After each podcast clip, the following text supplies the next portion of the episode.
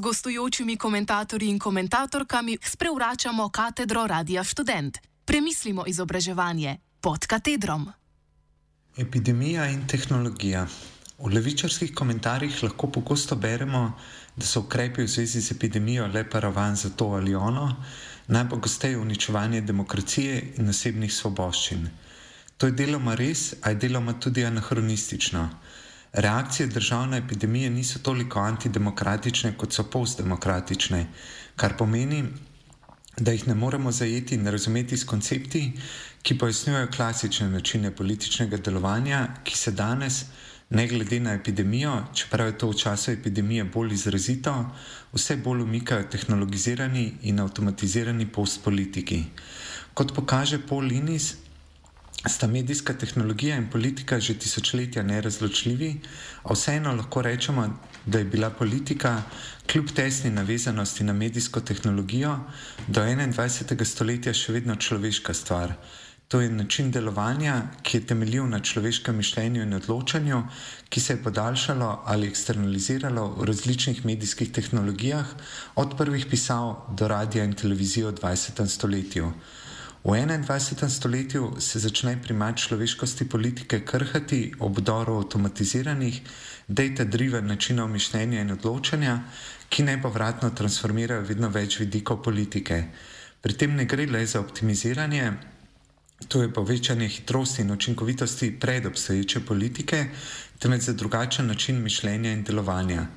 Politika danes ne uporablja več tehnologije, temveč se sama umešča v tisto, kar Benjamin Breton imenuje sklad kot planetarni tehnološki sistem in se s tem sistemom hibridizira. Današnje države na nekaterih področjih že delujejo pol ali povsem avtomatizirano, da nima pri vsem, kar se tiče varnosti ali vojaškega načrtovanja in strategij, kjer ima klasično politično delovanje vse bolj ornamentalno funkcijo, podobno tisti, ki so, ki so jo imeli preostanki monarhije v demokracijah 20. stoletja. Tudi vzdrževanje in posodabljanje osnovne infrastrukture, kot so energetika, promet, logistika in telekomunikacije, je vse bolj avtomatizirano. Parlamentarne procedure in demokratični načini in oblike odločanja sicer še vedno obstajajo, a le na področjih in prizadevah, kjer hitrost in učinkovitost nista odločilni. Upravljanje epidemije je ravno primer, ker politika ne more ne zatajiti. A ne zato, ker bi šlo za iliberalno zaroto, temveč zato, ker je tradicionalno politično delovanje prepočasno, prenerodno in premalo smart za učinkovito krotenje epidemije. Tudi vzhodnoazijske države, ki so bile pri nadzorovanju epidemije bolj uspešne, to niso bile zato, ker so bolj avtoritarne, temveč zato, ker je v njih politično odločanje bolj avtomatizirano.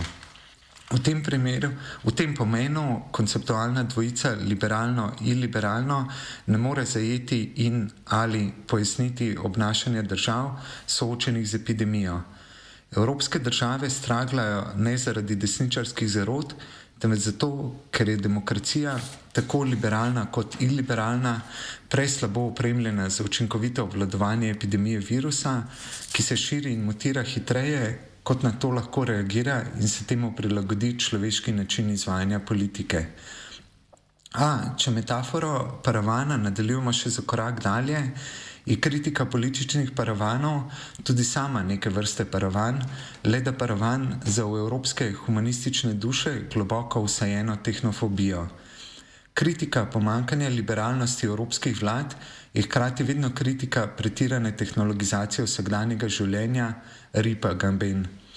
Ko smo vse čas doma, oziroma se še ob redkih priložnostih, ko smo zunaj, socialno distanciramo in medčloveške stike navezujemo in ohranjamo le še preko računalnikov in telefonov, naj bi se dokončno pokazalo, kako slab nadomestek za stisk roke ali zrenje v oči so elektronske naprave in kako te nikoli ne morejo nadomestiti pristnih medčloveških odnosov.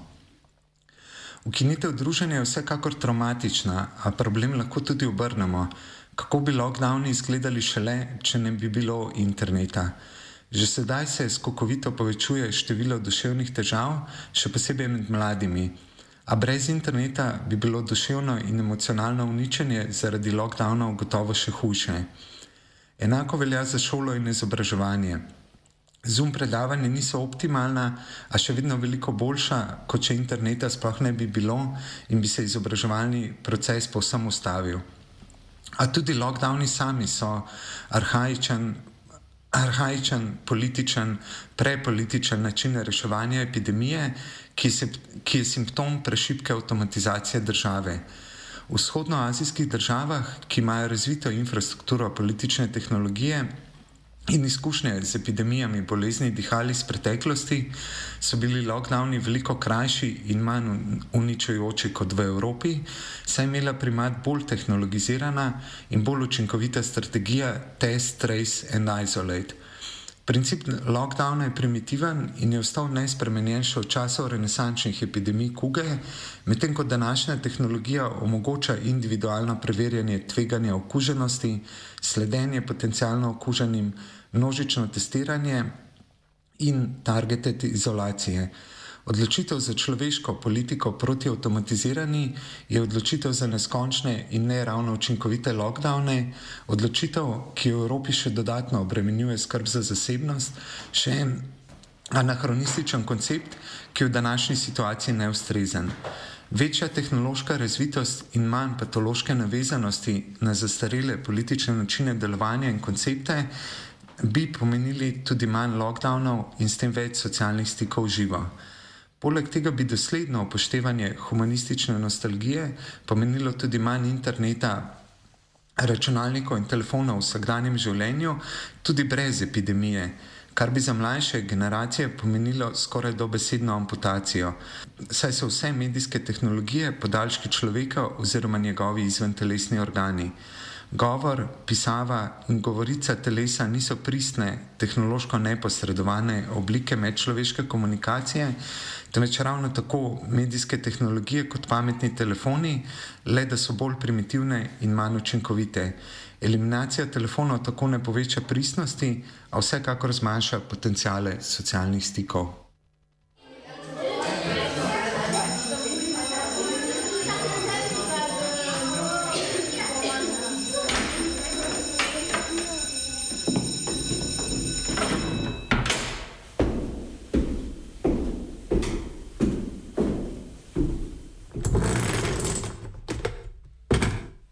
Gostujočimi komentatorji in komentatorkami sprevračamo katedro Radia Student. Premislimo izobraževanje pod katedrom.